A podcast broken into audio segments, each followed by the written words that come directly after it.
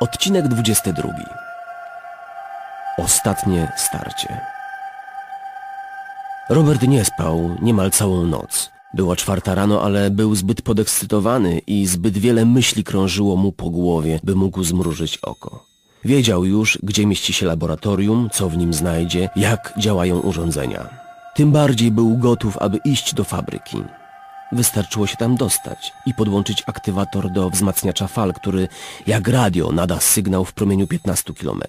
Urządzenie wymaga wprawdzie podłączenia źródła martwej energii, ale tym zajmie się później. Musi wszystko dokładnie zbadać, zaplanować. Pośpiech jest przecież złym doradcą. Jeszcze tylko Marta. Musi mu powiedzieć, w jaki sposób umarł pan Miron. Ta sprawa nie dawała mu spokoju, spakował więc wszystko do plecaka i wyszedł. Do fabryki dojechał w niecałe 10 minut taksówką. Dostał się na teren zakładów, pokonując wysokie ogrodzenie i rozpoczął poszukiwania pomieszczeń, które mistrzowi służyły za laboratorium. Odnalazł magazyn, miejsce, gdzie podłoga nosiła ślady ognia. Dziwne, zupełnie jakby to miejsce zostało opuszczone, zrabowane, albo eksplodował tu granat, pomyślał, kiedy wszedł do szerokiej hali, w której strop dźwigały potężne słupy. Przechodził dalej, ale wszystko było bardzo dziwne. W powietrzu czuć było spaleniznę. W końcu doszedł do masywnych drzwi oznaczonych folią policyjną i plombą, zamkniętych na zewnątrz potężnym skoblem. Robert zignorował zakaz wstępu, otworzył drzwi i wszedł do środka. Wewnątrz było kilka zabezpieczonych pudeł z papierami, ale żadnych urządzeń, nadajników. Znalazł kilka pustych fiolek gotowych do zainstalowania w nich cząstek aminy. W rogu pomieszczenia stała drewniana skrzynka. Robert podszedł do niej, uklęknął, otworzył, a urządzenie wewnątrz rozpoznał jako wzmacniacz. Nie zabiorę go teraz z sobą, zresztą po co? Lepiej aminę aktywować z tego miejsca, na odludziu, gdzie nie wzbudza się podejrzeń. I martwa energia, którą powinienem... Mówił do siebie Robert i w tej chwili go olśniło. Nie wiedział skąd tak nagle wzmogła się w nim złość, ale nawet się nad tym nie zastanowił. Marta! Przecież jest dziś w domu. Jest niedziela. Może po prostu postara się ją tu zwabić, a reszta będzie już prosta. Z tą myślą kodując w głowie układ pomieszczeń wyszedł z fabryki. Była już siódma rano, więc po prostu zaczeka do właściwej pory i zaproponuje jej spacer.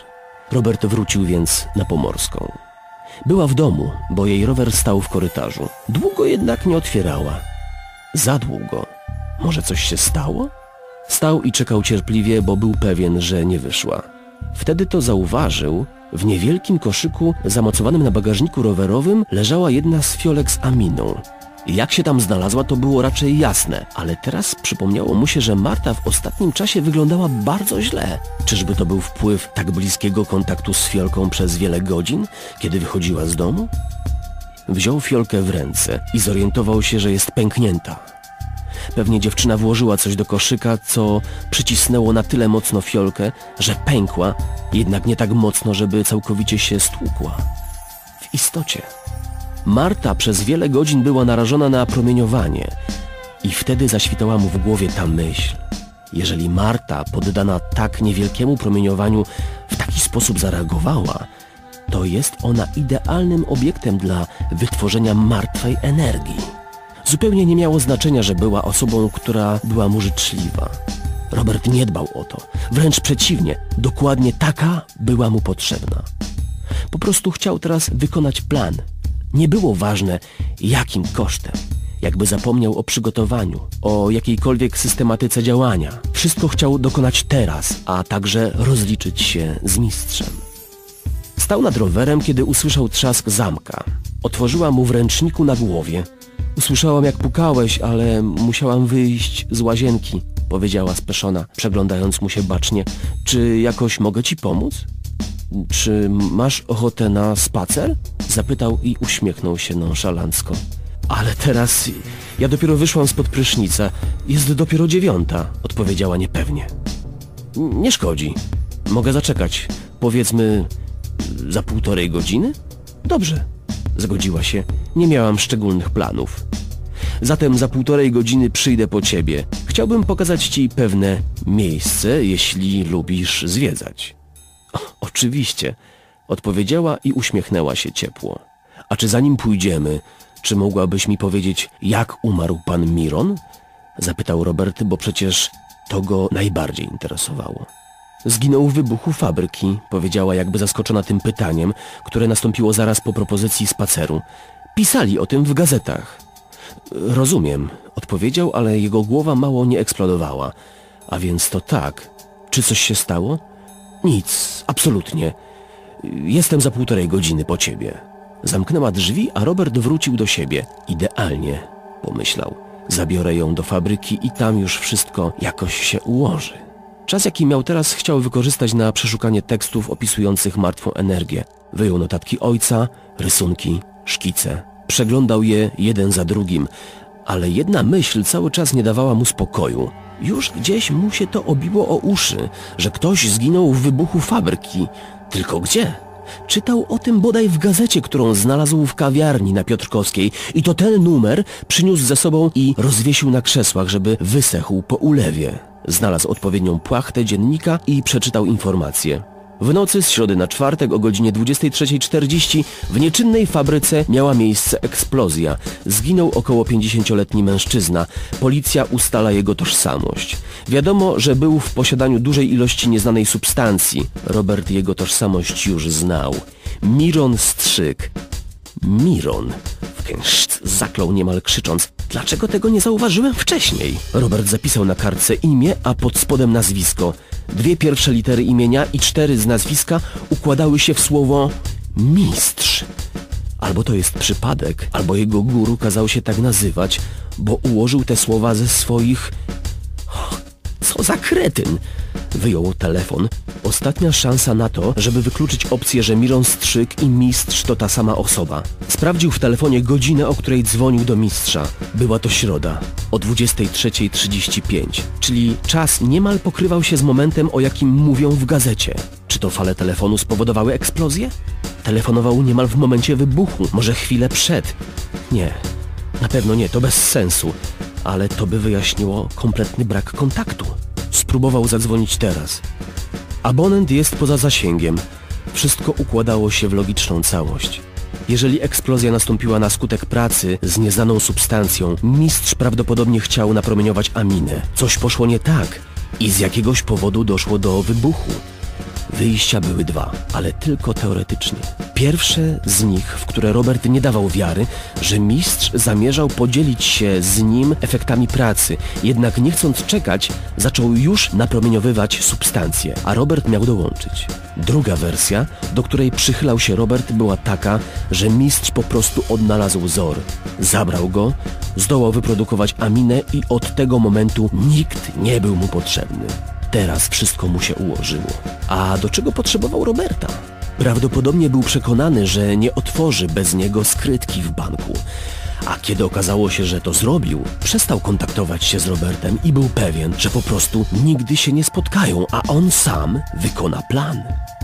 Robert był wściekły. Przeglądał notatki ojca, przyglądał się rysunkom maszyn i zdjęciom fabryki. Żal mu tylko było Marty. Taka słodka, taka miła, Zaraz. Skąd mu się nagle wzięły te przemyślenia i czułe myśli o niej? Zaskoczyły go tak samo jak chęć wypicia słodkiej kawy i zostawienie na piwku kelnerce. Na niego chyba Amina działa inaczej i to go martwiło. Zauważył to wcześniej, ale każdy kontakt z substancją kończył się wyrzutami sumienia. Zaraz oszaleje. Przez to wszystko wpadnie w jakąś psychozę, paranoję. Czy schizofrenią można się zarazić albo po prostu na nią nagle zachorować? To było straszne. Upadł na kolana. Robert miał wrażenie, że jeszcze kilka minut i straci przytomność. Świat wirował mu w głowie. Nie, to niemożliwe, powtarzał w duchu. Nie mogłem dać się aż tak oszukać. Czyli nic nie zostało z maszyny napromieniowującej. Na szczęście wzmacniacz znajdował się w innej części fabryki niż ta, w której doszło do wybuchu. Przechodził tamtędy, widział to miejsce. Robiło mu się słabo. Usłyszał na korytarzu szmer, a następnie pukanie do drzwi. Podniósł się z kolan i otworzył. To była Marta. Wyglądała na zatroskaną.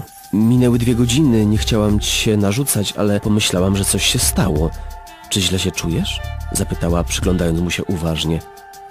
Trochę, odpowiedział, pocierając ręką czoło. Tym bardziej spacer dobrze mi zrobi.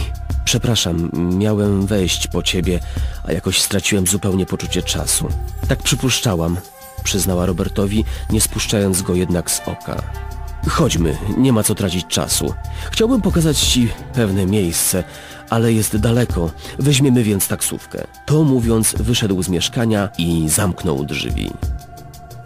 Po 20 minutach byli na miejscu.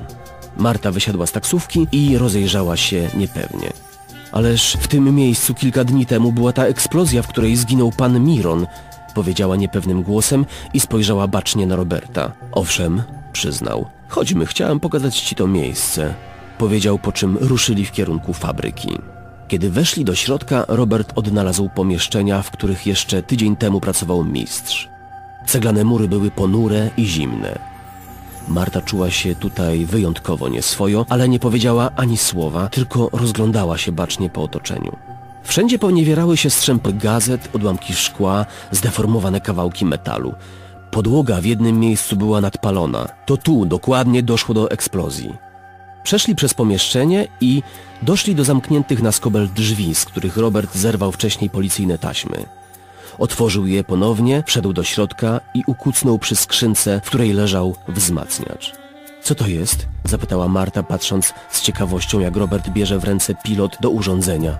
To jest, moja droga, urządzenie, które aktywuje pewną niebezpieczną substancję, powiedział patrząc z namysłem na Martę, po czym zaległa cisza. Dziewczyna stała nad nim i przyglądała się raz urządzeniu, raz Robertowi.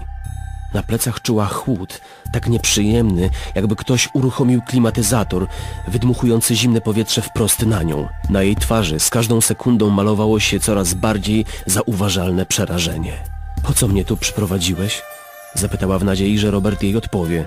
Tymczasem on wstał z klęczek, trzymając w rękach skrzynkę ze wzmacniaczem, przeszedł wokół Marty, która stała jak słup soli, odstawił pakunek na zewnątrz pomieszczenia, po czym stanął za dziewczyną i nachylając się nad nią powiedział szeptem Bo cię tu potrzebowałem. Marta nie zrobiła nic. Wiedziała, że Robert jest od niej silniejszy i walka z nim nie ma najmniejszego sensu. Mogła próbować uciekać, ale teraz jej umysł nie pracował jasno. Nie było też najmniejszego sensu krzyczeć, ponieważ w przestronnych fabrycznych halach i tak nikt by jej nie usłyszał, czego również była w pełni świadoma. Była teraz przede wszystkim przerażona. Poczekaj tu na mnie, wrócę za jakiś czas, powiedział Robert, wychodząc tyłem z pomieszczenia na wypadek, gdyby jednak przyszło jej do głowy, że ma jakiekolwiek szanse. A to zabiorę ze sobą. Burknął i wyrwał jej z ręki kopertową torebkę. Opuścił pomieszczenie i przerażoną dziewczynę. Zamknął drzwi na skobel. Nie miała jak uciec. Przeniósł skrzynkę na blat, który służył mistrzowi, a raczej Mironowi. Torebkę cisnął w kąt. Podłączenie maszyny nie było tak proste, jakby się spodziewał. Nie miał wiele czasu. Pożałował teraz, że postąpił tak pochopnie, bez szczegółowego planu i przygotowania, ale nie było już możliwości odwrotu.